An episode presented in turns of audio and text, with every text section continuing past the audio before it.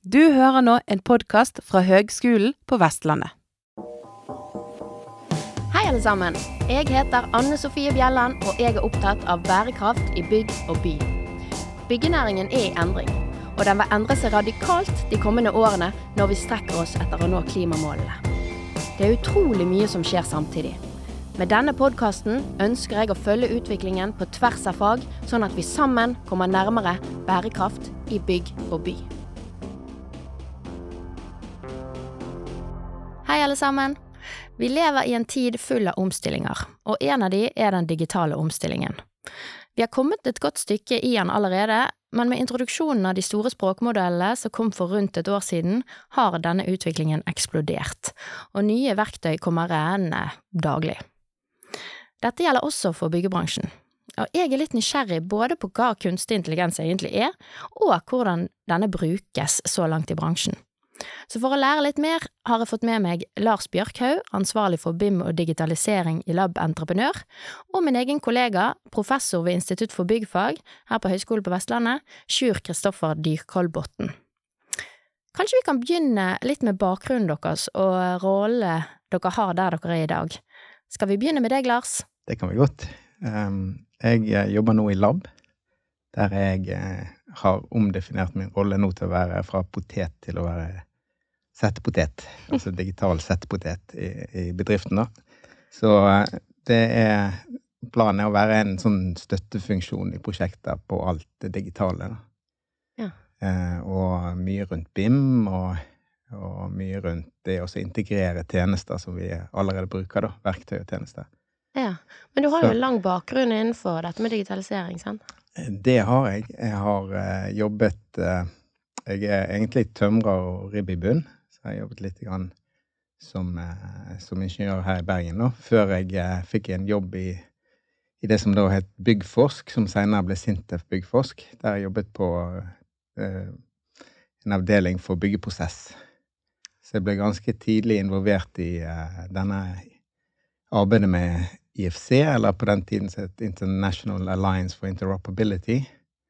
Så, og det var jo egentlig mye rundt altså dataflyt i, i byggeprosjekter, da. Ja, for IFC det er dette felles filformatet som man skal kunne dele på tvers av alle ja. programmer. Og, det, er, ja. si, det er filformatet for, for, BIM, da, eller Åpen BIM, som vi sier. Ja. Og etter det så ble jeg ganske mye involvert i uh, et sånt eh, ordbokprosjekt, altså det som i dag heter Building Smart Data Dictionary, som i Norge i sin tid helt Barbie. Ja. Bygg og anlegg referansebibliotek, og så ble det seinere IFD, og nå heter det eh, Building Smart Data Dictionary. Hva er det, da? Det er en altså på godt norsk en ontologi. Altså det er et felles sånn begrepsapparat. Altså det har endret seg litt fra den opprinnelige tanken, hvordan det før var det mer et sånt register og så en, en sånn koblingsboks, da, kan du si, av alle kjente klassifikasjoner og begrepsordbøker for byggebransjen internasjonalt. Så prøvde en å bygge opp en sånn felles ordbok der en skulle få til å koble alle disse. Eh, I dagens versjon så er det mer et register av de ulike ordbrukene, uten at noen egentlig gjør så mye forsøk på å koble de. Men, eh, men, den ordbruken lever i beste velgående i dag, og er i bruk i, i Buildingsmart, og er en tett eh, sånn integrert bit nå i, i Buildingsmart i IFC. Eh, kan du si, Bruker den gjerne til å beskrive eh, objekter i BIM-en ved hjelp av kjente klassifikasjonsstandarder. Altså ja. ETIM og andre som ligger inne der. Og Building Smart, det er jo en sånn bransjeorganisasjon, blir det rett å kalle det det? Ja, det er en internasjonal organisasjon med medlemmer fra alle, eh, alle kontinenter. Mm. Så det er en stor, stor, organisasjon. Nå var det Siste møte var faktisk i Oslo. Jeg husker ikke i farten hvor mange som var med, men det var en av de største. Jeg lurer på om det var over 250 deltakere på den den gangen. Okay.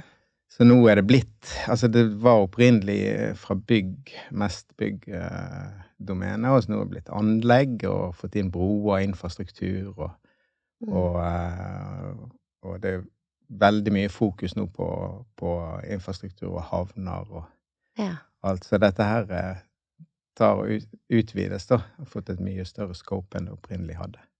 Veldig stilig. Ja. Men så flagget du jo ut fra Sintef Byggforsk, og eh, Ja. I 2009 så var vi en gjeng som eh, hadde jobbet veldig mye med Building Smart og begynte å lage en del rett Vært ute og hjulpet ulike bedrifter og begynte å lage en del verktøy, så vi fant ut at eh, vi hadde lyst til å forsøke oss som en spin-off. Så da startet vi Katenda eh, i 2009, og der eh, hadde jeg først litt rolle som rådgiver inn mot en del bedrifter. Så lagde jeg en del verktøy eh, i den forbindelse, og så etter hvert så fikk vi ordentlige programmerere innomhus. Og så begynte vi å lage Bimsynk, i det som i dag heter Katenda Hub. Eh, og der var jeg produktsjef, da. Og hva er det, da? Det er en skybasert eh, skal du si Ja, det er en, en tjeneste der du kan ta imot IFC-filer og visualisere de, koble de mot sakshåndtering, dokumenthåndtering og alt det, og alt du trenger er en nettleser for, for å jobbe med det. Ok. Så eh, Så en av hensiktene var at man skal kunne ta en eh, iPad på byggeplass og dra opp i med der, og så ha et greit grensesnitt å lese og jobbe på? det var det er en av tankene. Altså primært begynte vi vel som et verktøy for de prosjekterende, mer for å kunne sette sammen eh, alle modeller på en enkel måte, og sånn at alle til enhver tid eh, kunne se det siste som jeg jobbet med, og så kunne en bruke standardiserte arbeidsflyter, altså dette som heter BIM eh, eh, Collaboration Format. Altså det blir mange forkortelser i denne verdenen. Men, eh, men denne Building Smart-familien, det er en del standarder der, da. Der en av de går på å få en standardisert arbeidsflyt rundt BIM. Altså at du kan sette kameraposisjoner inn i 3D-modellen, og du kan beskrive og gi, si hvem som er ansvarlig, og du kan knytte dokumenter og objekter og alt det oppi, og få en strukturert arbeidsflyt. Og så kan du se, i og med at dette er en åpen standard, så er den også implementert i de fleste verktøyene da, som, som rådgiver i dag bruker. Ja. Så, så BIMSync var opprinnelig et sånt verktøy, en skytjeneste, som også gjorde det at alle utenfor, altså alle som hadde interesse i, i prosjektet, fikk innsyn i alt som foregikk. Det var ikke bare de som satt på disse fagapplikasjonene. Ja, skjønner, skjønner. Og så har du siden da startet i Entreprenøren Lab, for å på en måte ta brukersiden av saken, eller? Ja, for tre år siden så eh, følte jeg det var på tide å komme litt tilbake igjen til, til bransjen. Få litt sånn faglig påfyll, da. Så litt tilfeldig så Så eh, Eller tilfeldig og tilfeldig. Jeg eh, kjenner folk i lab, har kjent det lenge og har vært liksom nysgjerrig på den bedriften. Og det åpner seg en mulighet for meg å, å begynne å jobbe der, da. Mm. Så eh, den grep jeg med begge hender. Ja, Ja. veldig, veldig spennende. Eh, og og du da, Sjur? Ja, nei, jeg er jo professor her på høyskolen, Ja? Og jeg har vel, eh, jeg har vel på professortittelen at jeg er professor i juss og kunstig intelligens. Fantastisk. Um, Så da Så da skal jeg jo i prinsippet vite litt om begge deler. Men det er jo ganske sånn eh, teoretisk tilnærming jeg vanligvis har, da. Ok. Så modellering av juridisk argumentasjon, Ja. men da teoriene som kan hjelpe oss med det, snarere enn applikasjonene som vi muligens kan utvikle når vi har en god teori i bunn. Ok, så, så på en måte eh, i en kunstig intelligens-situasjon, si, så, så begynner man med en slags teori som man da kan bygge selve, eller trene selve dingsen på. Ja, man, eh, man pleier i hvert fall å gjøre det. Okay. Men nå er jo jeg i ferd med å bli litt uh, akterutseilt på en måte, fordi jeg kommer fra den delen av KI som kalles symbolsk KI. Og da er man opptatt av å, å ha en god teori i bunnen. Ja. En modell av verden. Men eh, det som har skjedd de seneste årene, det er jo at eh, disse læringsalgoritmene har overtatt nesten så mye at eh, folk i dag nærmest assosierer KI med, med bare med læringsalgoritmer. ja. Og der er det ikke så mye teori i bunn, egentlig. Det er jo teori om disse nevrale nettene, da. Og den er interessant nok, men så er jo modell av verden, det, det forsvinner litt ut, og så blir det heller et spørsmål om å, å lære seg en funksjon basert på mange eh, Å se gjennom mange eksempler. Ja, skjønner. Og prøve da å få tilbakemelding fra disse eksemplene hva som er hva som er rett, og hva som er mindre, mindre rett. Og så Mm. bygge seg opp en bedre og bedre forståelse av virkeligheten basert på det. Ja. Nå er du jo inne på det, men jeg skal stille spørsmålet likevel. Altså sånn, for, for oss som ikke har snøring. Eh, altså, hva, hva, hva, hvis du skal prøve å si det litt sånn enkelt, hva er kunstig intelligens, da? Nei, det er jo et godt spørsmål hva det egentlig er. Så det, det har jo også forandret seg litt da, opp gjennom tidene, avhengig av hvilke sånne retninger som har vært de mest dominerende. Mm. Men jeg vil jo si at eh, at det man i hvert fall ikke bør gjøre, er sånn som eh, man prøver seg på i denne norske AI-strategien, KI-strategien, der man sier at kunstig intelligens det er et datasystem som utfører målstyrte handlinger. Ja. Det tror jeg er å, å dra det litt langt. Okay. Det er nok fortsatt vi som eh, har målene og utfører handlingene. Men så får vi hjelp av disse KI-systemene da, på ulike måter. Ja. Og da er det jo rett og slett eh, ja, sånn som man gjør nå i EU, når man skal innføre en sånt regelverk rundt KI. Det er at man går vekk fra et sånt forsøk på å si KI er målstyrt handling, eller noe i den duren, og så sier man heller KI det er teknologier som vi eh, av ulike grunner har regnet for å være kunstig intelligens, og så kommer det et anneks med bare en liste over hvilke teknologier man egentlig mener. Mm. Det som er litt sånn interessant skille der, det er jo mellom produktene du utvikler, basert på teknologien, Mm. og så teknologien i seg selv. Mm. Det er en sånn viktig diskusjon også, går litt over i jussen nå, det er skal man ha regulering av selve teknologien og, og forskningen? Eller skal man si at nei, det, det skal få lov til å foregå sånn som det har gjort fram til nå, uten for mye eh, begrensninger? Og så skal reguleringen rette seg mot produktene som utvikles. Ja, for, For det er jo to, eh, to ulike tilnærminger. Ja. Ja, du, det begynner jo å komme stadig flere produkter, rett og slett basert på KI. Spesielt disse lærings, eh, læringsalgoritmene. Mm.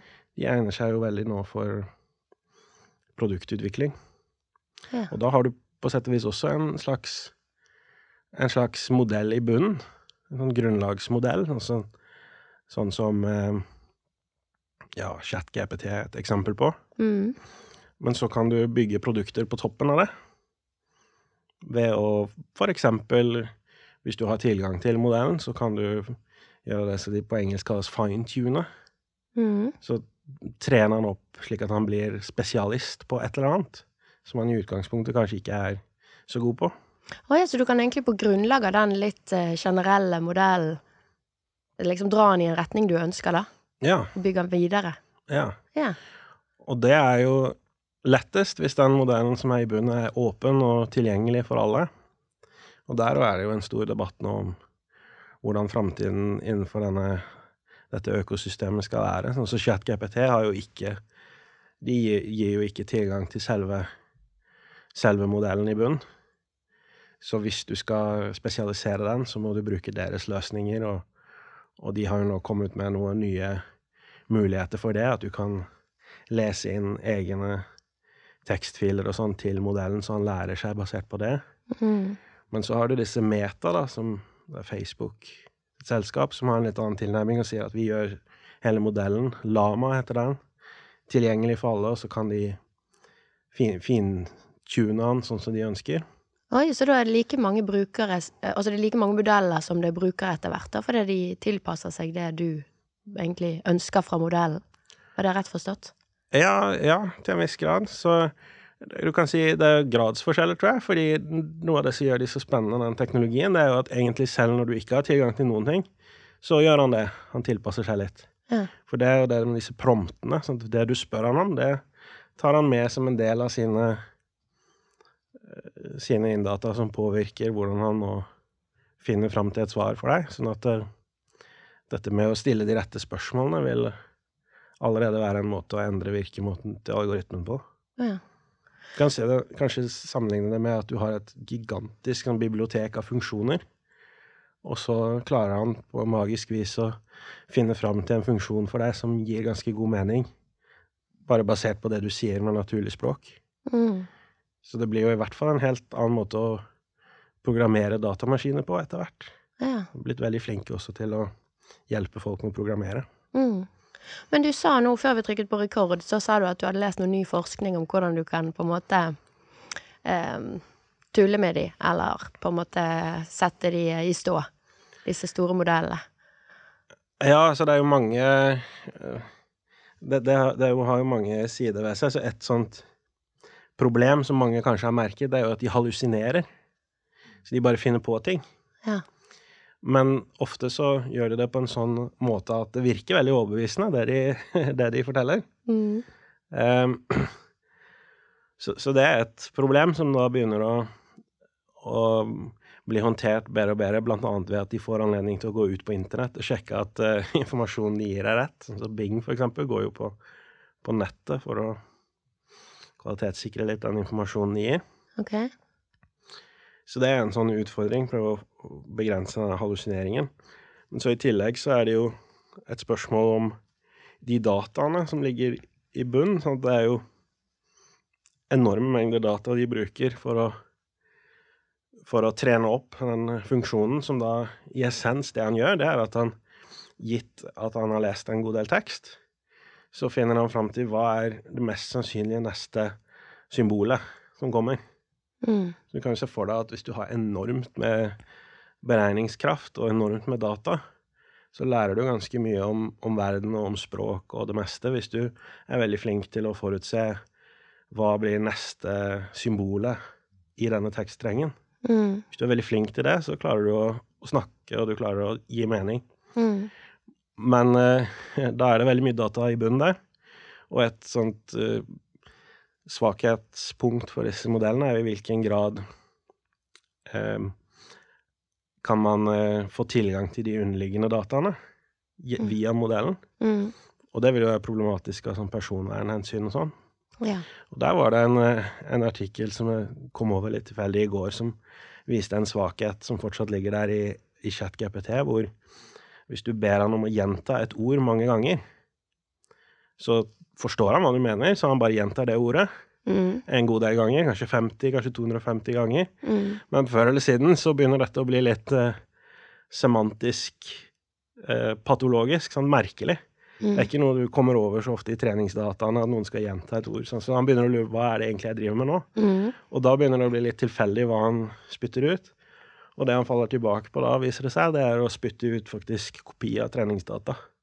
Ja. Så der dukket det opp sånne navn og person, personlig personlige informasjon om mennesker fordi han hadde lest igjennom ja. også sånne data. Jeg skjønner. Så da hacket du han, kan du si. det på Ja, da har du hacket han. men det er veldig menneskelig, da, syns jeg. For hvis jeg blir bedt om å si et ord um, ørten ganger, så ender jeg jo opp med å liksom fjase ut et eller annet annet til slutt. Ja, det er det. Lurer på hva, hva er det jeg driver med nå? Ja, ja, ja.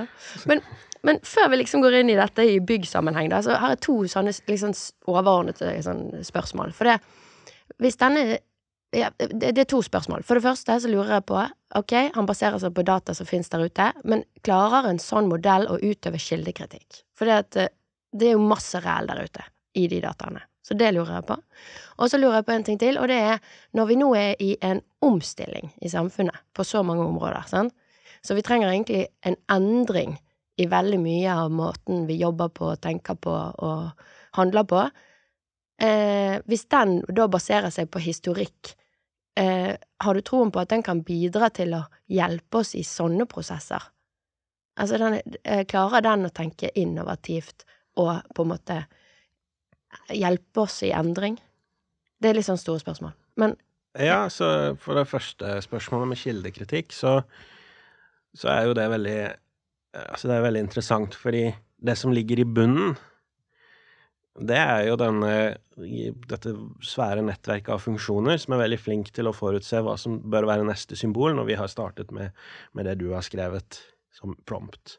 mm, Um, og da kan det være litt sånn eh, Det kan være mye hallusinering, og det kan være mye problematisk som kommer ut av en sånn algoritme. Det kan jo være ting som er sånn eh, Som eh, Ja, det var jo et, et tidlig forsøk, sånn, det begynner å bli noen år siden. Det var jo en sånn chatbot Var det Microsoft? Det var, jeg husker ikke hvilket firma det var, men det var en sånn som drev på Twitter. Og det gikk ikke lang tid før han ble fryktelig rasistisk og problematisk i det som kom ut. Sånn. mm, Og da er det også Og sånn vil det måtte bli med den grunnlagsmodellen. Vil ikke kunne skille så mye der. mm, Men det de gjør, det er den der fine-tuningen, som da for ChatGPT sitt tilfelle, så innebærer det noe som de kaller for reinforcement learning from human feedback. Så da er det mennesker som ser på ser på de svarene han gir, i sin på en måte eh, originale tilstand, Mm. og så gir de tilbakemeldinger til han. Hva er bra, hva er mindre bra? Og det som ligger i bunnen der, det er såpass sofistikert at, at han forstår hva du mener når du forklarer han hva kildekritikk er, på den måten, ved å gi feedback. Ok. Så du kan trene han opp til det òg. Ja, altså jeg som bruker, eller er det, sitter det en gjeng liksom i Nei, du må, ha, du må nok ha en gjeng. Du må nok ha en gjeng. Ja, du må ha én en gjeng, bruker, så- men altså én bruker allerede kan sikkert få til mye, men der er det jo igjen altså hvor Kanskje det er nok at du som bruker, bruker det fornuftig. Mm. Er det bra nok for deg? Men er det bra nok for, for samfunnet? Sant? Da er det jo spørsmål eh, Må vi kreve at før man slipper løs sånne modeller, så må de være trent opp på en god måte, så de unngår Så vi unngår misbruk? Mm. Og da er det jo midt i denne diskusjonen om hvordan skal man regulere dette her. Mm. Og da er det jo Da vil jeg si at jeg håper vi lander på det samme som for internett, ikke sant? For der var det litt tilsvarende. Sånn internett Skal han som leverer internett til deg, være ansvarlig for det du gjør på internett? Og hvis han hadde vært det, så, så hadde vi ikke hatt et åpent internett. Mm. Og litt tilsvarende med disse modellene, skal de som lager grunnmodellen, være ansvarlig for vår bruk av disse modellene? Mm. Eller skal, er det deres ansvar å forhindre f.eks. For at vi bruker det til å, å si stygge ting? Mm. Det tror jeg er litt problematisk vei å gå. Ja. Bedre kanskje å si at vi må ta ansvaret selv hvis vi skal bruke det, Mm. men at vi bør ha tilgang. Ja. Ok, men kan ikke du liksom sette dette litt inn i en sånn inn i byggenæringen i et sånn historisk perspektiv med tanke på både industrialisering og digitalisering? Ja, da, vet, da tror jeg kanskje jeg må ha hjelp av Lars her hvis vi skal inn i Ja, ja, kan, kan ta kanskje, kan kanskje ta et, et utgangspunkt, for når jeg forbereder meg, så så jeg jo litt på dette med produktivitet i byggenæringen, og der ser det ut til at det er en, faktisk en global utfordring, at det henger veldig etter. Til og med nedgang i produktiviteten, eh, arbeidsproduktiviteten i bygg- og anleggsbransjen. Og ifølge disse her eh, McKinsey så er det et veldig stort potensial der. Som, hva var det da? Det var 1,6 trillioner dollar i året de hadde regnet ut at man kunne eh, hente ut hvis man bare dekket opp etterslepet fra de siste 20 årene. Mm. Hvis man får korrigert den eh, dårlige produktiviteten sammenlignet med andre næringer, så de siste 20 årene så utgjør det 1,6 trillioner dollar i, i Mm. året. Mm. 2% i året bruttonasjonalprodukt på verdensbasis. Mm. Så da er jo på en måte mange som Da forstår man at det er mange som tenker at ja, nå skal vi virkelig få til et løft. Men så er jo spørsmålet hvor realistisk det er, da. Mm. Å bruke KI Men da på en en det i måte som øker til effektiviteten. Ja, men i forhold til denne produktivitetsgreia, da, så har det jo også skjedd Eller den, den, diskuteres jo veldig litt fordi at man mener at Altså, det var, det var en som sa eh, i en sånn panelsamtale jeg hadde, så sa sånn at eh, Før så sa vi det er jo ikke rocket science, men nå er det jo faktisk ikke så langt unna å bygge et bygg. sant? Altså Det har blitt mye mer komplekst. sant? Så hvis du sammenligner å bygge et bygg for 50 år siden med å bygge et bygg i dag, så, så kan du kanskje forklare at produktiviteten ikke har skutt i været, kanskje? Eller? Hva tenker dere? Jo, jeg, jeg tror det henger litt sammen sånn. Altså, den, akkurat denne undersøkelsen, eller denne grafen som jeg viser til hele tiden, den er jo litt kritisert, da. Ja. Så, eh, nå husker jeg ikke i farten alle faktorene som det tas hensyn til, men den er nok ikke helt kor korrekt. Men um, det, er jo, det er jo et faktum at det er en del prosesser som tar unødig lang tid Ja eh, i, i byggebransjen i dag. Og jeg tror det at det, altså det å introdusere mer og mer kompleksitet sant? Du skal ta, Det er mer og mer forhold du, du skal ta inn over deg. Sant? Du har nå klimaregnskap, du har eh, en masse forskrifter og, og regler du skal ivareta. Og så eh, blir jo ikke byggene mindre komplekse, så det blir gjerne store og, og avanserte bygg. Og så, så klarer ikke du få ned tiden det tar fra en eller annen problemstilling blir, blir eh, flagget til du får et svar. Sånn at det går såpass lang tid der at det er kommet nye problemstillinger opp underveis. Sånn at Mm. du klarer aldri liksom få den loopen der til å gå raskt nok. Så Mm. hvis du klarer å få den ned, så skal vi nok klare å bygge mye mye fortere enn vi, vi gjør i dag. Altså prosjektere og bygge fortere. Så eh, Og det er jo her jeg tror at AI kan hjelpe oss litt, da, for å si det sånn. For det, at, eh, det er jo en del prosesser i dag som, som eh, nok oppleves litt sånn meningsløse for, for en del folk. Sant? Det tar fryktelig lang tid eh, Mm. å koordinere ting, da. Mm. Optimalisere ting. Eh, den, den type Og der kan nok kan eh, noe AI hjelpe oss. Det er jeg ganske overbevist om. Ja, men for å kunne få god glede av, av kunstig intelligens i, Mm. i byggeprosjekter, må ikke du da først ha en vellykket og fungerende eh, digital prosess som er etablert, med BIM og samhandling digitalt videre?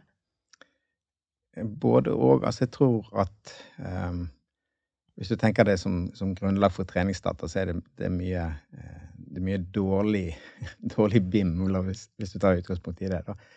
Mye dårlige modeller, mye rot inni de. da. Så hvis du skal trene på dagens modeller, så, så ikke nødvendigvis at det gir et sånn veldig godt resultat. Men, men det vi kan bruke Altså, vi kan kanskje være vaske disse modellene ved hjelp av AI. Altså prøve å finne ting som er Altså prøve å, å vaske ut de dårlige dataene, da. Mm. Uh, bruke det, for dette er jo Det er tydelig at det er vanskelig for de som prosjekterer, å lage gode modeller med riktige data inne. Eh, her tror jeg maskiner kan være kan hjelpe mye med å liksom få luket vekk informasjon som ikke er relevant. Eh, se på ulogisk eh, informasjon. Eh, og, og rett og slett vaske altså Sånn at grunnlaget eh, blir mye bedre, da. Ok, Mm. ja. Men kanskje vi kan ta en liten sånn runde, da? På, på, på en måte Hva er det som finnes av ulike kunstig intelligens-teknologier eh, i dag? Og, har, og liksom eksempler på hvordan dette Hvordan verktøy si, er utviklet til byggenæringen, da. Kan vi ta en sånn liten runde? Vi kan ta en liten runde. Det altså, det, det er jo eh, Grunnen til at vi sitter her og litt, er jo det at eh, jeg tror det har, det har skjedd veldig mye bare i løpet av det siste året. Sånn, Altså en del, det har jo eksistert eh, verktøy og, og hjelpemidler da, som baserer seg på AI for bransjen lenge. Men eh, nå i det siste er de virkelig begynt å bli så kraftige at du ser, eh, ser nytteverdien. da. Så eh, det kom til Både på dette med gjenkjenning, sant? altså på, på billedgjenkjenning Kunne, kunne kan si, avlede objekter fra bilder. Eh, at du kan ta, ta noen foto ute på byggeplass, og så får du et 3D-objekt tilbake fra det. Mm. Sånn på den eh, siden Det er en veldig nyttig funksjon. Eh, du har eh, AI som sammenligner skann med modell. Sant? At du kan, du kan ta og skanne på skanne ut, Ha en 3D-skann, og så kan du se avvik mellom, eh, mellom det som er modellert og det som er bygget, eller kan du si underlag og det du har prosjektert på. Altså, Mm. Der er det veldig kraftige verktøy Mm. det begynte å komme ganske mye verktøy for å, å detektere Du filmer på byggeplass, og du kan se etter farer, eksempel. Mangle rekkverk, eh, mangle sikring. Så Og så er det jo òg begynt etter hvert å så komme verktøy som hjelper i prosjekteringen, som òg er superspennende. da. Ja. Som kan eh, kutte ned tiden det tar å koordinere de tekniske fagene, for eksempel. Eh, Så denne tanken om den autonome ingeniør, den er det som var litt sånn eh, I hvert fall jeg tenkte var litt utopisk eh, en stund. Det, det virker som det er fullt mulig nå. Jeg kan du gi et eksempel på hva som kan bli gjort? Eh, Ja, det, det er De har testet det ut. Altså, Lab er en del av en større familie, da. Vi er en del av AF. eh, Og, og em, det var en artikkel i Teknisk Ukeblad for ikke så lenge siden om, om en sånn utprøving der en hadde tatt eh, koordinerte tekniske fag i himling da, på et større kontorbygg hos Betonmast. Der de mente da at Altså, de klarte da å få et ferdig koordinert eh, 3D-modell i løpet av bare en uke. Eh, Den fikk de ut som en IFC-fil i tillegg. Og det var tatt hensyn til byggbarhet, og det var på en måte optimalisert sånn som entreprenør ønsket å produsere det. sant? Altså at ting lå riktig i himlingsplater. Eh, pluss at det var veldig enkelt å gjøre små justeringer når det kom endringer i, i arkitektunderlaget. Sant? Så ble bare modellen optimalisert på nytt. Eh, så de mente de hadde spart eh, fra 1000 til 2000 prosjekteringstimer på dette. Oi. Ja, for det, bare for å så Dette ville jo normalt blitt gjort av en rådgiver, eller? Av mange rådgivere. Ja. Sant? Og, og, og det er litt der jeg tenker Det er litt tilbake til det som Av de prosessene som jeg føler ikke går så veldig bra i dag, er det jo det at sånn, folk er involvert gjerne i flere prosjekter, og, og, du har ikke så hyppige møter. Du sitter gjerne ikke sammen og, og prosjekterer. Sånn at altså en, en modell mange har hatt suksess med, er jo dette som kalles big room. At du sitter sammen og jobber intenst med en problemstilling eller flere problemstillinger, en hel gruppe, da får du opp den der hastigheten, sant? sånn at du slipper at det tar så lang tid fra en gjør noe til, til den andre på en måte tar tak i det grunnlaget, til at det oppstår nye problemer. Mm. Da får du ned dette, og da får du en effektiv prosjektering. Mm. Um, nå kan det jo ved å Altså, et, et AI kan jo simulere eh, hvor kanaler skal gå. Sant? Eh, kjøre tusenvis av ulike scenarioer og så optimalisere basert på, på ren geometri eller på basis av noen parametere du setter, da. Eh, sånn at akkurat den biten, da, som går på å generere denne 3D-modellen, altså bygge 3D-modellen, eh, det er jo ikke det som i utgangspunktet er ingeniørfaget, tenker jeg. Altså, det skal jo være å lage gode løsninger ivareta eh, myndighetskrav, optimalisere på basis av disse her behovene og kravene fra, fra byggeier, da. og fra entreprenør, Mm. for effektiv bygging.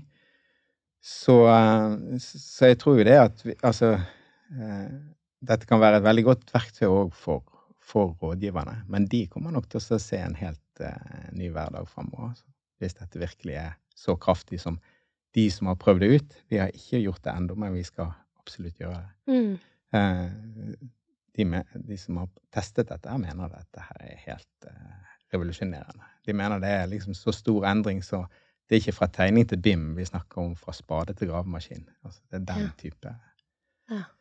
såpass store endringer som skjer nå, da. Ja.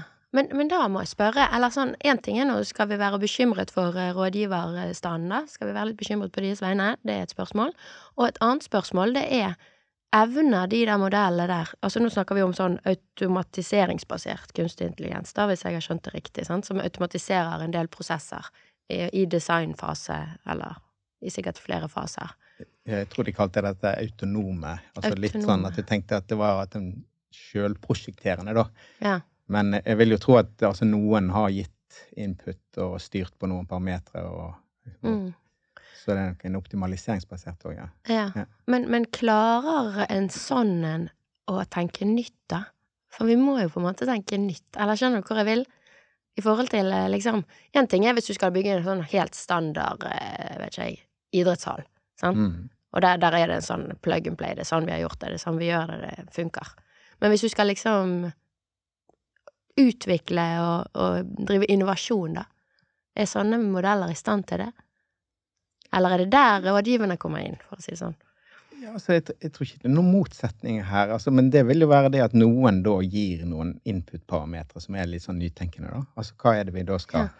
Skal det være gjenombruk av materialer? Skal det være eh, klima, re- altså fotavtrykket du skal fokusere på? Hva er det måte du skal optimalisere på basis av, da? Ja, Det er jo noen som må, må forklare til modellene hva en ønsker at de skal ta hensyn til når de foreslår eh, løsningen. Ja. Og der er det Altså, det, det kan jo være en nytenkning. Sant? At du baserer det på Du, du tester ut noen eh, nye hypoteser, da, så lar du maskinen kjøre en masse simuleringer. Mm. Og det er jo det som er, er fantastisk med dette, at du kan gjøre det. For, for jeg føler jo at av og til så låser vi prosessene ganske tidlig. Sant? At du tar beslutter på basis av noe du tror er den mest fornuftige løsningen.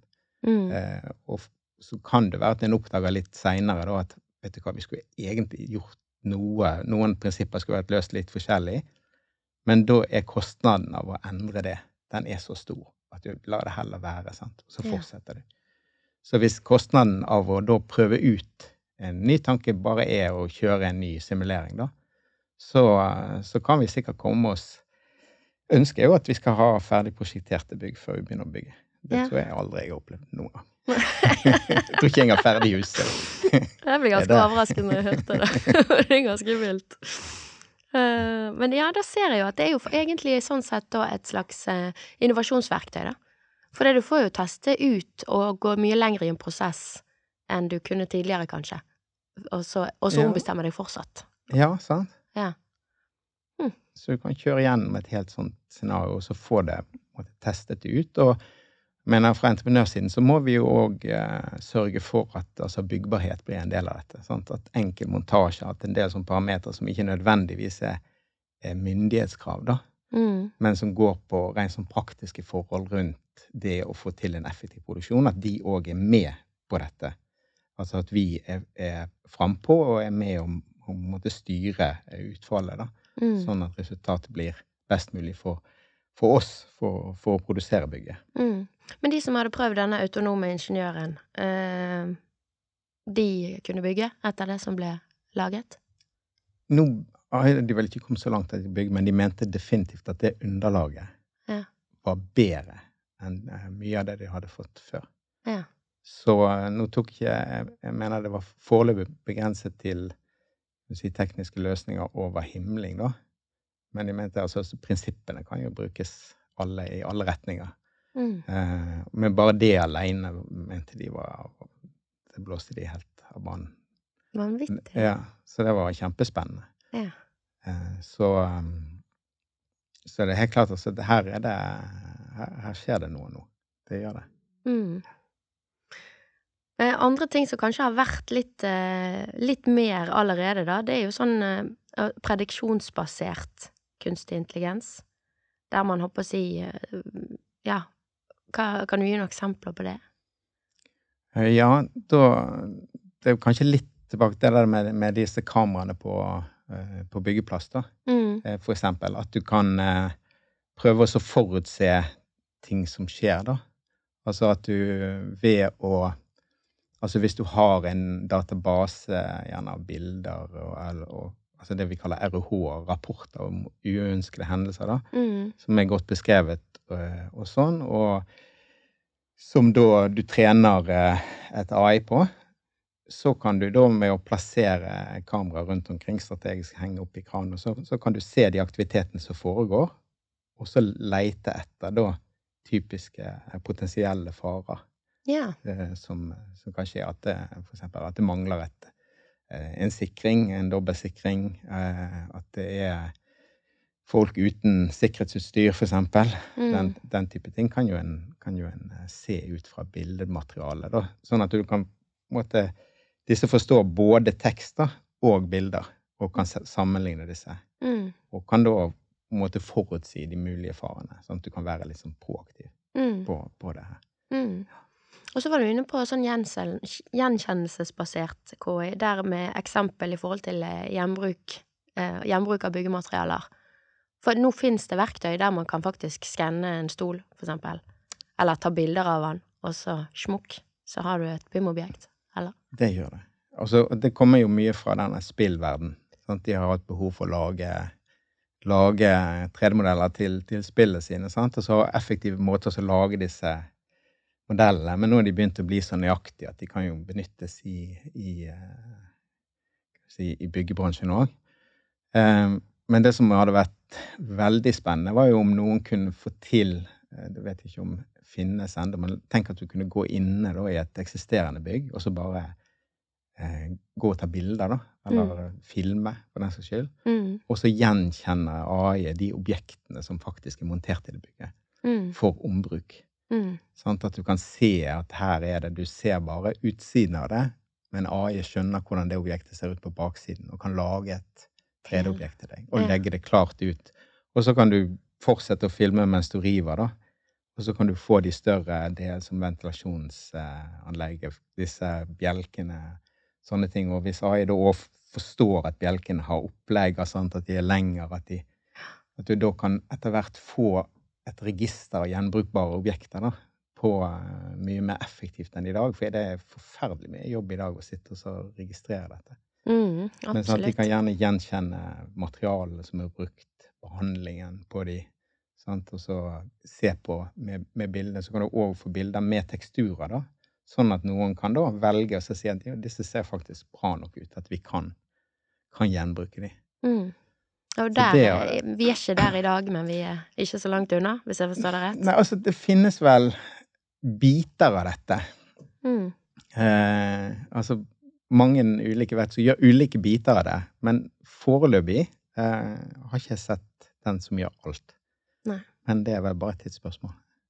Ja. For eh, det, kommer, det kommer så mye sånne verktøy nå at det, Ja. det er Jeg vet ikke om dere kjenner den siden som heter There is an AI for this, uh, eller, som bare lister ulike sånne AI-tjenester. Og den er jo altså Der bare ramler det inn. Du kan si liksom dagens nye programmer, så er det hundrevis. Altså. Det, det er helt absurd hvor mye som skjer. Ja. Så det er mye døgnfluer ute og går òg. ja. Men, eh, Huh. men at det skjer noe i det her segmentet her, det, det er det ikke tvil om. Mm. Ja, det har jo blitt estimert at uh, 30% av alle arbeidstimer som i dag utføres av mennesker, vil bli utført av KI innen 2030. På tvers av alle sektorer, eller? Ja, Ja, okay. det er jo selvfølgelig litt sånn uh, tenk på et tall, Ja. men det speiler jo noe av det samme at man ser at dette, den teknologien som er i bunnen, da, disse grunnmodellene, de, de er så gode at denne fine-tuningen gjør at du kan utvikle produkter for veldig mye. Ja. Men det er jo da det er litt spennende også dette med får vi lov til å utvikle sånne produkter, altså får vi, eller vil det bli lagt begrensninger nå gjennom den eh, lovreguleringen som kommer? Ja. For det er klart, mange av disse casene her som allerede er i ferd med å komme, man kan jo se for seg at det er en viss risiko med å bruke det hvis man ikke passer på, og så skjer det en ulykke, eller altså hvordan, hvordan håndterer man risiko som oppstår hvis man begynner å stole for mye på disse systemene? Mm. Og der er det òg veldig mange som tenker at nei, vi er på etterskudd, vi må komme med lovreguleringer. Og, og det blir veldig spennende hvordan det er nå, hvordan det utvikler seg de neste årene. sånn, For det kan i verste fall føre til at det blir ja, nesten bom stopp på utviklingen. Ja. Men der, det er jo noen, eh, noen sånne her eh, kunstig intelligens-forskere som har på en måte skrevet under på et brev om at eh, stopp all utvikling, dette her er risky business. Eh, hva tenker du om det, du som har litt snøring? Nei, det, det tenker jeg er eh, Jeg tenker for det første det er en overdrivelse okay. i forhold til den opplevde risikoen. Mm. Og i tillegg så tenker jeg at det er eh, Man blander sammen flere ting. Så det er noen som faktisk mener at selve disse grunnmodellene kan være farlige fordi de finner ut hvordan de skal danne seg sine egne mål, som ikke nødvendigvis er, er kompatible med, med vår mål, våre mål, eller vår overlevelse for den saks skyld. Så de mener på ramme alvor at kanskje det å trene disse grunnmodellene, som i utgangspunktet ikke er så veldig nyttige, men som har et sånt utrolig potensial hvis du begynner å utvikle produkter oppå de, Mm. at de kan være farlige. Mm. Og si at vi må stoppe med det. Og det er jo litt sånn eh, science fiction, men på den annen side, hvis, de har, hvis, hvis det bare finnes en ørliten sjanse for at de har et poeng, så kan man jo diskutere det, sant? fordi da er det mye som står på spill. Mm. Men så har det jo alt dette med all den produkt, produktutviklingen på toppen, som medfører selvfølgelig en viss risiko for at sånne døgnfluer, og noen av de kanskje til og med er farlige. Mm. Altså Sånn er det jo. Det vil jo være mye som Når det skal skje stor endring på kort tid, så kan det også gå galt noen ganger. Ja, ja. Men, men å håndtere det, det tror jeg man må prøve å være litt mer eh, Hva skal man si konstruktiv enn å si stans. ja, jeg skjønner. Og ved å si stans, så har man også ofte en egeninteresse. Altså mange av de som skriver under her, er jo, er jo han Musk har vel skrevet under, blant annet, og et par andre sånne store aktører. Mm. Og ved å skrive under, så er jo det også en måte å Man kan i hvert fall mistenke at det vil være en måte å begrense konkurransen fra andre. Prøve å skaffe seg mest mulig kontroll og makt over teknologien selv. Mm. Ved å si at andre skal ikke få lov å utvikle det, det skal ikke være åpent, Mm. fordi det er farlig. Mm. Og det tror jeg er en veldig uheldig, uheldig vei å gå. Må heller gå sånn, den veien som eh, Meta. Som er jo litt merkelig å si at Facebook har svaret, men uh, i dette tilfellet så har de ansatt en sånn en av disse storkanonene på KI. Ja.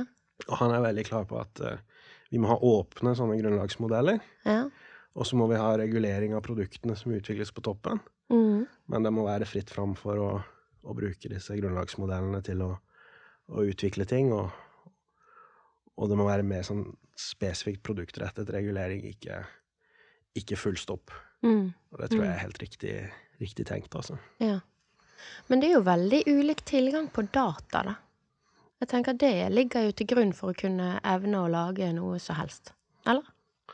Ja, det er jo det som ikke er helt eh, Det er ikke helt sånn, fordi disse grunnlagsmodellene de begynner å bli så kraftige at de kan på en måte De har potensialet i seg til å gjøre alt. Og så det kan være grunnlagsdata for mye mer, selvfølgelig. Ja, altså det er ChatGPT og, og, og til og med det Meta og sin Lama-greier. Altså de, de, de har De kan lære seg ting mye raskere nå fordi de har dette i bunn.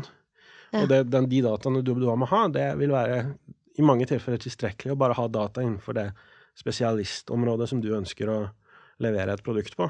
Mm. Så selv om du ikke har data om alt mulig som har med språk, naturlig språk å gjøre, så kan du antagelig oppnå veldig mye hvis du bare har masse, eksempel masse BIM-data, Mm. og så blir han spesialist på BIM etter at du fine-tuner den modellen i bunnen som alt det som har med naturlig språk å, å gjøre, det håndteres av Mm. grunnlagsmodellen. Mm. Men- Spesialistopplæring, kan du si. Det. Ja, ja. Du må ha data for det òg, men ikke så mye. Nei. Nei, for han har en jeg håper si, grunnleggende kognitiv funksjon. Ja, han har faktisk det. ja, ja. Ok. Men, men, men du, du snakket om regulering, men da snakker du om regulering fra EU, sant? Ja, det er der det er mest debatt akkurat nå. Det er de som Ja. har kommet lengst uh, i retning av å Av å rett og slett uh, ta noen prinsipielle avgjørelser om hva slags eh, nivå den reguleringen skal rette seg inn mot. Skal disse grunnlagsmodellene være gjenstand for regulering som om de var et produkt, eller Mm. skal, de, skal det gjøres et skille der? Det er en stor debatt nå. Ja, Så de har ikke landet på om man skal regulere verktøyene eller, eller jeg håper å si motorene? Nei, de har, de har ikke landet ennå. Det er okay. ganske stor, det er en ganske heftig debatt akkurat i disse dager. Ja. Har du en mening, eller? Ja, jeg mener jo at man bør eh, la være med å, å regulere disse grunnlagsmodellene. Okay. I hvert fall så bør fokus være på å regulere produktene som utvikles. Ja. Og så i den grad man regulerer grunnlagsmodellene, så vil jeg sagt å si at det, at det skal være åpent, eksempel. Mm. Eh, åpent tilgjengelig. Mm. kunne være en mulighet, men å drive og si at det er den som lager grunnlagsmodellen, som har ansvaret for alt som går galt når noen bygger et produkt på toppen.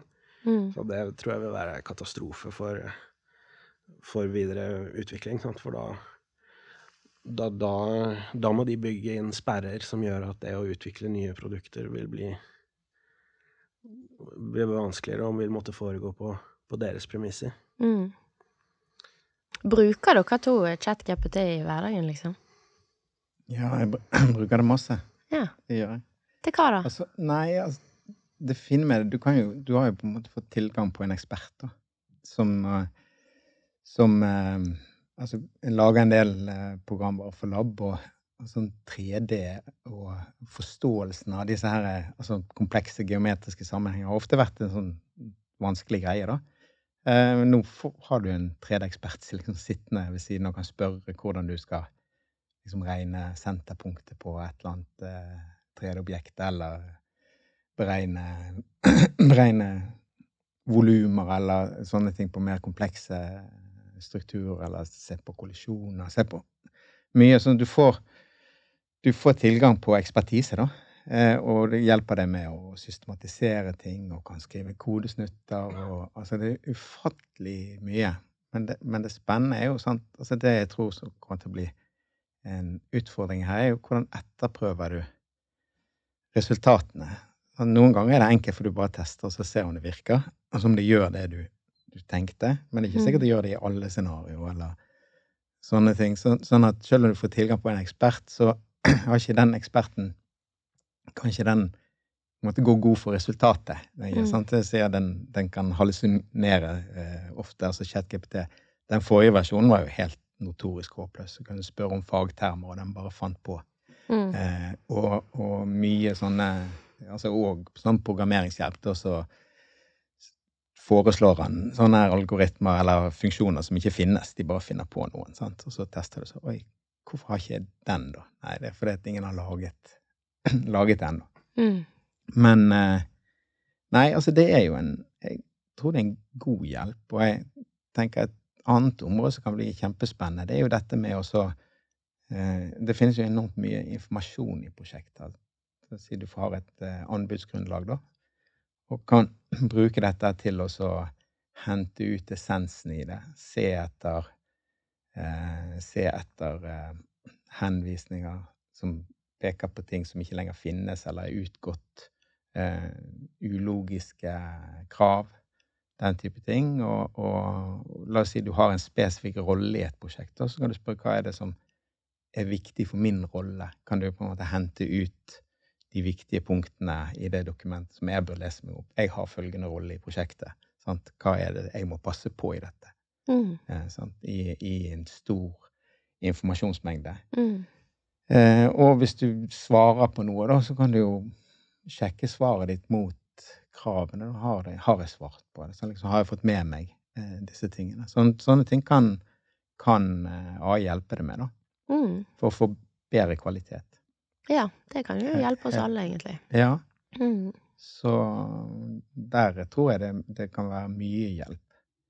Så faren i det er jo litt altså, hva, hva er det du på en måte sender det videre når du bruker, bruker disse modellene? Det er jo ikke alltid helt enkelt å forstå, eh, føler jeg at det må det. Må det sant? Altså hvis du laster opp eh, Det er vel sånn at hvis du laster opp en PDF i dag i, i ChatGPT, så går den til USA. Og så blir han basete. Men det finnes metodikker i dag for å lage dine egne si, lokale kunnskapskilder. Bygge de på basis av de samme teknologien, og så ikke sende de dataene videre når du da benytter denne teknologien.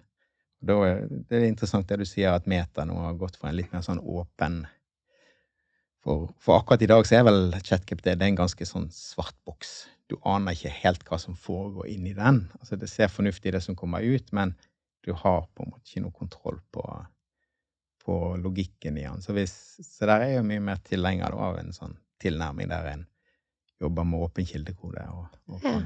Men hvis jeg deler noe som er konfidensielt med ChatGPT og ber de lage en oppsummering eller et Ja, eller annet, har- og finne noe for meg i den teksten, da har jeg i praksis delt den med eh, Amerika. ja, en eller annen server der borte, i hvert fall. Eh, Jeg Ja. vet ikke om de kan eh, De sier vel at ikke de skal trene dataene videre på den. Det mener jeg ligger ligger i, i disse forutsetningene. Men at dataene fyker over dammen, det er, jeg, helt overbevist om. I hvert fall i det scenarioet. Ja, så de er jo også i ferd med å utvikle varianter nå for å tilfredsstille sånne regulatoriske krav, annet på varianter for høyere utdanning, som begynner å komme etter hvert. Mm. Men da er det jo litt, litt foruroligende det som du er inne på, at, at nettopp uh, ChatGPT det er jo laget av OpenAI. Mm. Det er det selskapet heter, eller det er vel til og med en, en form for stiftelse. De skal ikke være, det skal være non-profit i utgangspunktet. Intensjonen var på en måte opprinnelig at det skulle være åpent og ikke kommersielt. Mm. Men det har jo blitt det stikk motsatte. Mm.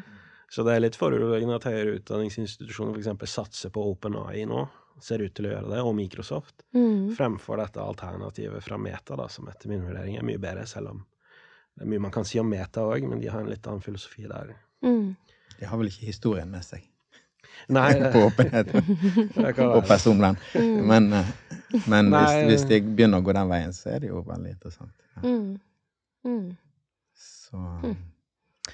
Spennende saker. Men, men jeg, jeg må litt tilbake til dette med for Du har jo jobbet mye med, med BIM, Lars, og, og håper å si, har jo en kjepphest i dette med at uh, håper å si, ja, ID-er og sånn, og data dør og forsvinner underveis. mm. Kan ikke du si litt om det?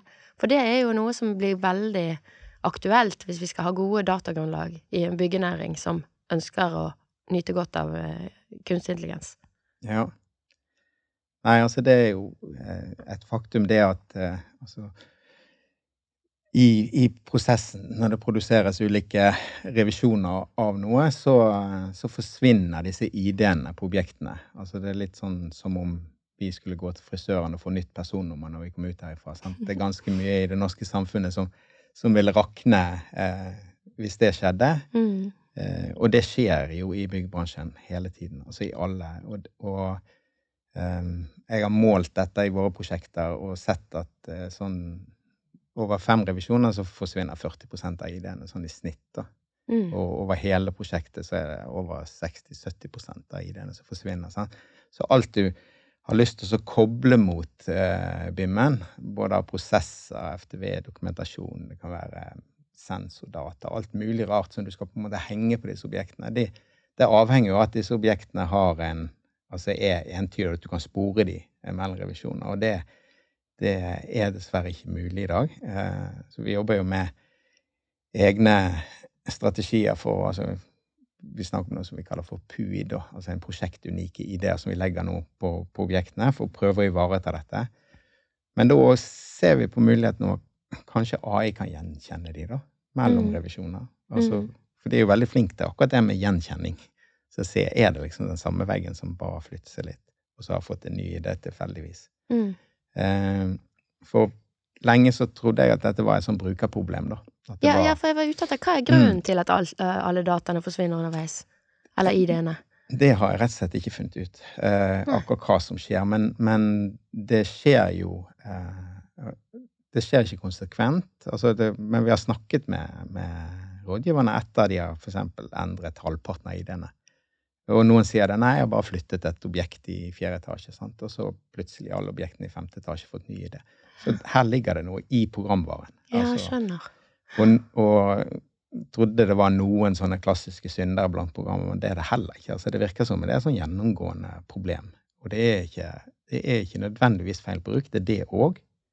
Eh, men det, det er Ja, det, det er vanskelig, og det, det, mener jeg, det er jo en av de tingene som gjør at BIM ikke har fått den eh, bruk som Altså Det kunne vært brukt til så ufattelig mye mer, da Mm. eh, enn vi gjør.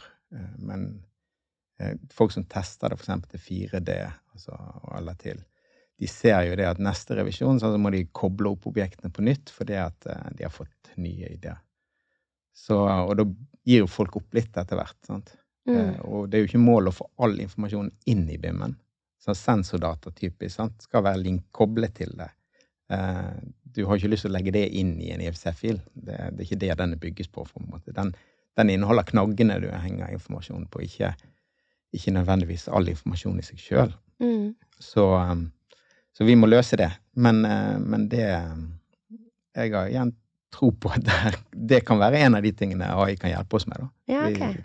Prøver litt ut det nå. i- Se om det kan lages på en måte fingeravtrykk av objekter, og se når er de like nok til at dette faktisk er det samme, Ja. samme Ja. objektet, bare har fått en ny idé. Mm.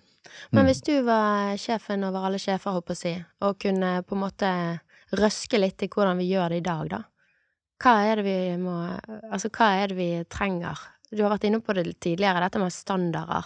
Eller sånn. Ja, Hadde det løst saken? Enda mer standardisering? Eller? altså vi, vi har jo en god del standarder som vi, vi ikke bruker, da, for å si det sånn. Altså vi bruker den, men på en litt sånn kryptisk måte. Vi har jo disse klassifikasjonsstandardene våre i byggebransjen. mm. som er begrep som bygningsdelstabeller, komponentkoder og romtyper og soner og sonetyper. Det, det er en masse eh, sånne begrepsapparater da, som, som finnes, Mm. men av eh, Jeg tror det ligger mye i lisensieringen. av det. Altså, de er jo ikke åpne. Sant? Du, og de er ikke digitale heller. Sant? Det er PDF. Altså, de er jo helt ubrukelige for formålet i dag.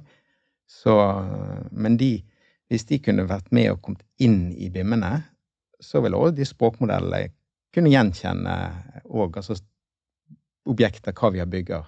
Sant? I dag så finnes de gjerne inne i, kodet inn i en T5-kode, for eksempel. Det er det typisk ser på sånne stikkontakter og, og sånne Mm.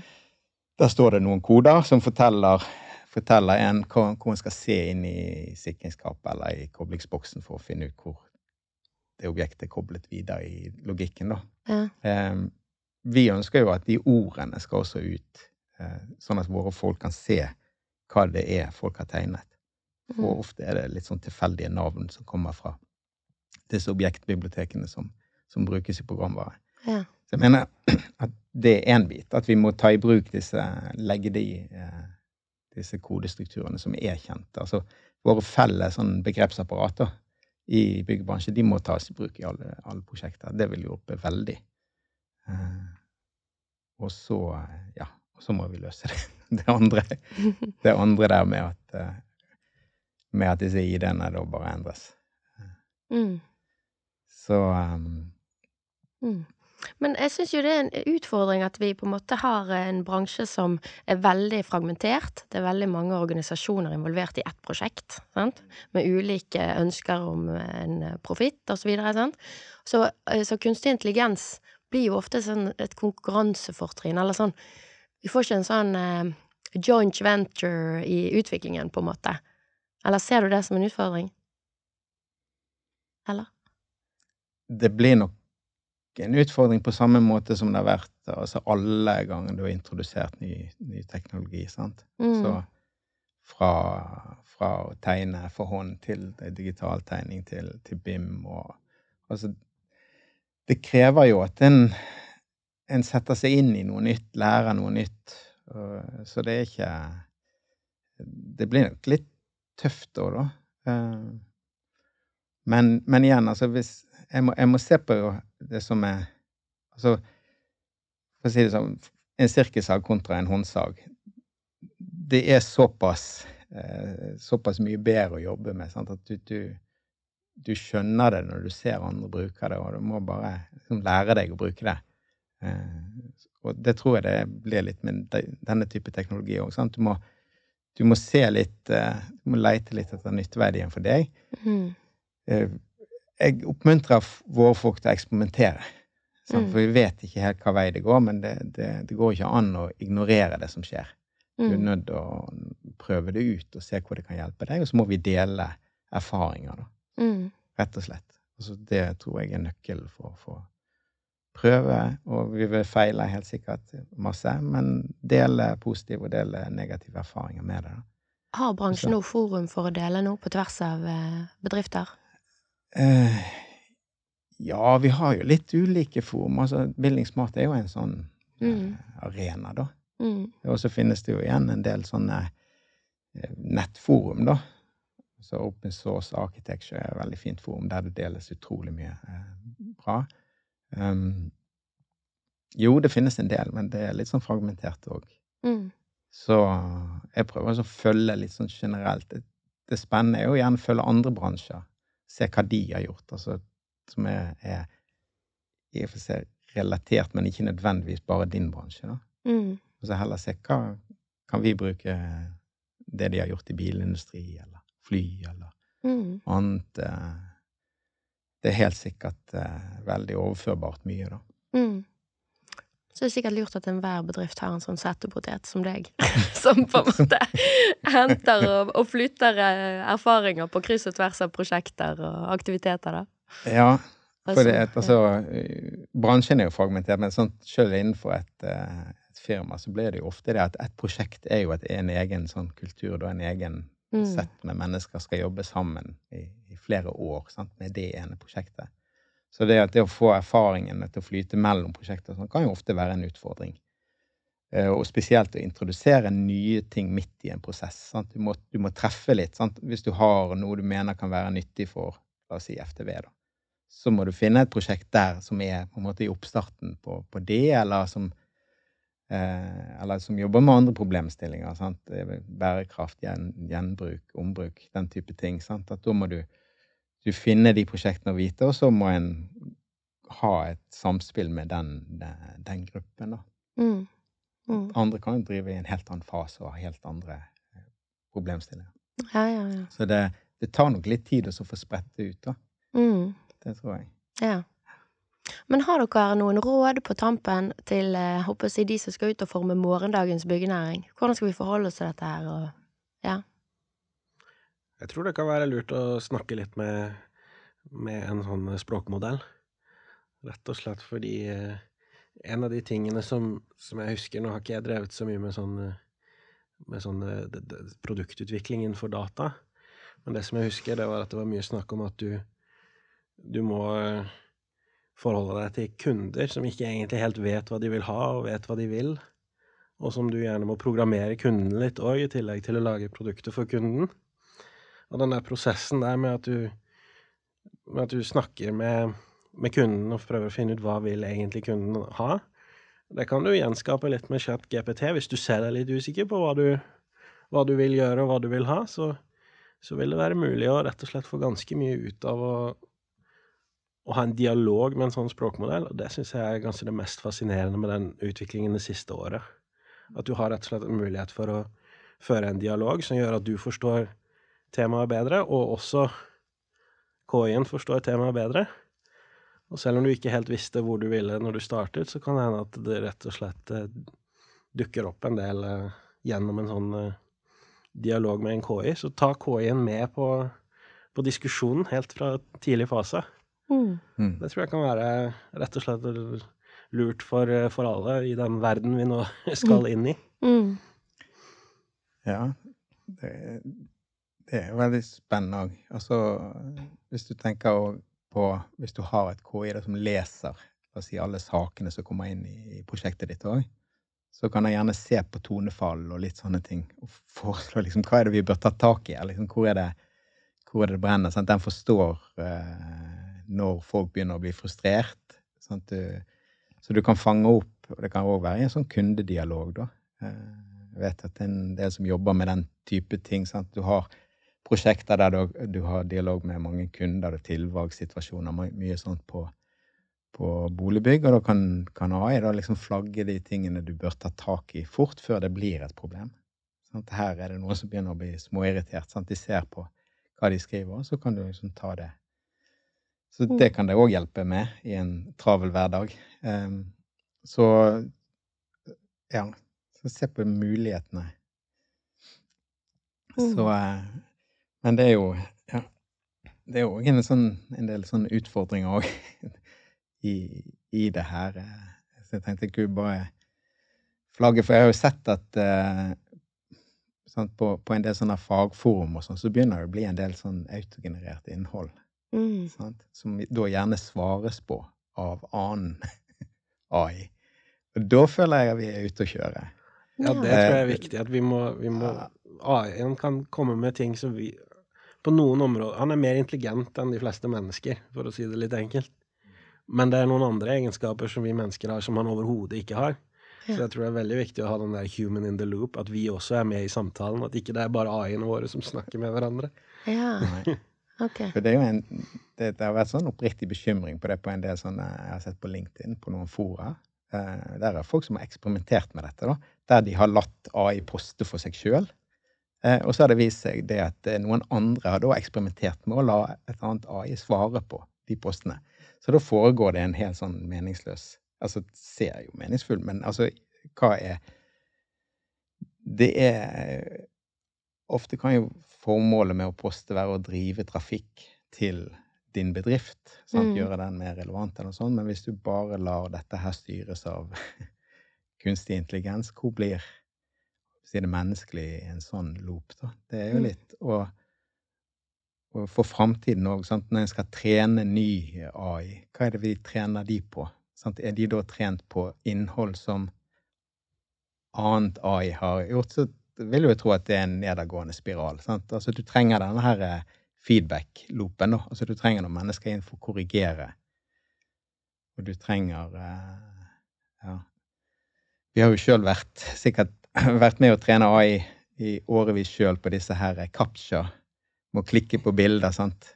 Kan du, For å komme deg videre inn fra en sånn passord. Ja, sant? klikke alle steder. Det er en sykkel. Liksom. Ja, for eksempel. Sant? Ja. Det er jo en smart måte å trene. Eh, jeg har sett at Google har begynt litt med det samme, med spørsmål om eh, sånne problemstillinger du skal liksom korrigere, da, mm. Eh, og svare på. Så, um, så vi Men den biten der av, av sånn eh, Jeg skulle ønske det var litt sånn tydeligere når noe var produsert av en maskin og et menneske. Bør en Der bør det kanskje noen regler til. Som flagger det litt. At dette her er Dette er liksom maskin. Ja, kanskje, men på en annen side så er det så tror jeg det fungerer så mye bedre når det er en sånn løpende dialog. Altså kvaliteten i det du får ut av KI-en, den tror jeg øker så mye når du når du har det som en dialog, at, at det blir, kan være vanskelig. Sånn det vil være Det vil i hvert fall ikke være bare KI-en, det vil være sånn co-authorship. Mm. Jeg har brukt KI, Ja men, men det er ikke bare KI-en som har produsert det, det er på en måte en sånn samskaping. Mm. Sånn som når du programmerer òg, ikke sant. Du, der er han jo blitt veldig flink til å hjelpe deg med å programmere. Mm. Så, så jeg tror det kommer til å bli en revolusjon også innenfor programmering. Sant? Det, det, man blir jo overflødig når man er en sånn, sånn lavnivåprogrammering, blir jo mer eller mindre overflødig i fremtiden. Mm. Antageligvis. Ja. Men da er det sånn samskaping med det, mellom den som har liksom en sånn høynivåforståelse av hva man faktisk vil ha, og så KI-en, som hjelper å implementere. Men så tror jeg også at KI-en faktisk er med på å programmere deg litt tilbake igjen òg. Med å klargjøre for deg hva det er du egentlig vil ha, gjennom den, den feedbacken der. Mm. Så det tror jeg er litt eh, Jeg vet ikke, kanskje man bør si uh, Ha et krav om at man må opplyse når man har brukt KI, men kanskje det jo blir overflødig fordi man bruk, kommer alltid til å bruke KI. Ja. Det kommer alltid til å være en sånn symbiose der. Jeg tenkte noe mer, mer kanskje på det ansvaret for innholdet, da.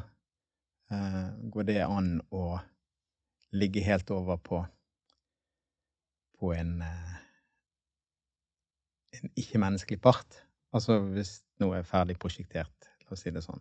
Mm. Altså noen må Akkurat det juridiske i dette kan nok bli litt sånn komplekst eh, etter hvert. da, Hvis du har gjort en beregning, optimalisert en bærestruktur, eh, og så har ingen mennesker vært involvert Mm. i det. Noen må jo signere på det, i hvert fall i dag. Så finnes ikke det noen sånn muligheter for at det ikke er noen mennesker som står ansvarlig for det. da. Mm. Så Det tror jeg er en veldig god ting. ja.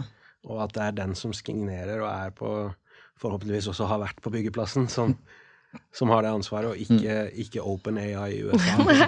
Fordi da kommer de til å måtte ta styringen på oss noe voldsomt hvis de skal ha det ansvaret. Ja, Det er at vi tar det selv. ja. Mm. Altså, vi må ha litt sånn menneskelig kvalitetssikring, i hvert fall Ja eh, enn så lenge, på det meste. Mm. Eh, jeg tror jeg skal si tusen takk, for vi har holdt på himla lenge, men dette var jo veldig spennende. Tusen takk, Lars, og tusen takk, Kjur. Jeg tenkte jeg skulle avslutte med et sitat fra pappa, for jeg snakket med han i går om dette her, så sa han sånn, ja, det er veldig spennende med dette med KS, men jeg har veldig troen på, nei, KS sier jeg, med KI, men jeg har veldig troen på EI, altså. Ekte intelligens. og det dere sier nå på slutten her, er vel at vi trenger eh, vel strengt tatt begge deler. Ja. Tusen takk. Gjerne. Takk. Det er nok bare fantasien som setter grenser for nytten kunstig intelligens kan ha. Sofie Bang har skrevet doktorgrad om kunstig intelligens i byggenæringen ved NTNU i samarbeid med Construction City, og hun finner blant annet at man må ha gode data og infrastruktur knyttet til både programvare og arbeidsflyt for å få implementert dette skikkelig. Rådgivende ingeniørers forening skrev innlegg på bygg.no i oktober om en ny undersøkelse i bransjen, der ca 70% av respondentene verken hadde gjennomført opplæring i kunstig intelligens eller hadde en strategi for generativ kunstig intelligens, og uttrykker dette som bekymringsfullt. Dette kommer til å ha uant innvirkning på bransjen, så vi får bare ta det i bruk, folkens. Ha det godt!